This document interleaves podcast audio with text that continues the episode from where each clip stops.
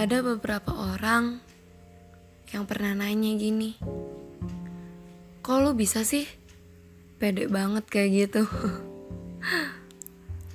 gini, dulu saya juga pernah minder, minder banget.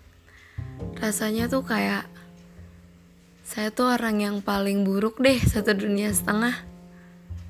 Tapi makin ke sini saya makin sadar kalau hidup itu nggak cuma tentang penampilan, gak cuma tentang materi.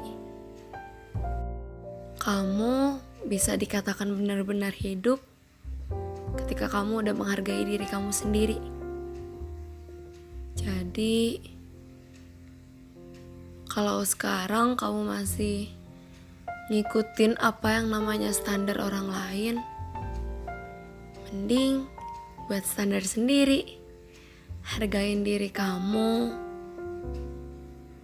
Gini, kalau kamu gak hargain diri kamu sendiri, gimana mau ngehargain orang lain? Hmm?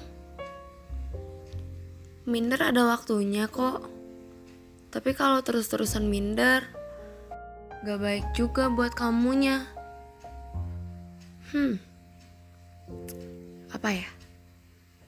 Kadang kalau misalnya udah kayak gitu tuh, kamu tuh cuma perlu nemuin satu orang yang benar-benar bisa bikin kamu ngerasa ngerasa percaya diri aja gitu.